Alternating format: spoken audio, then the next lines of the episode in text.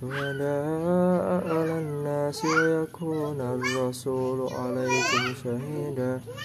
وما جعلنا القبلة التي كنت عليها إلا لنعلم من يتبع الرسول ممن ينقلب على عقبيه.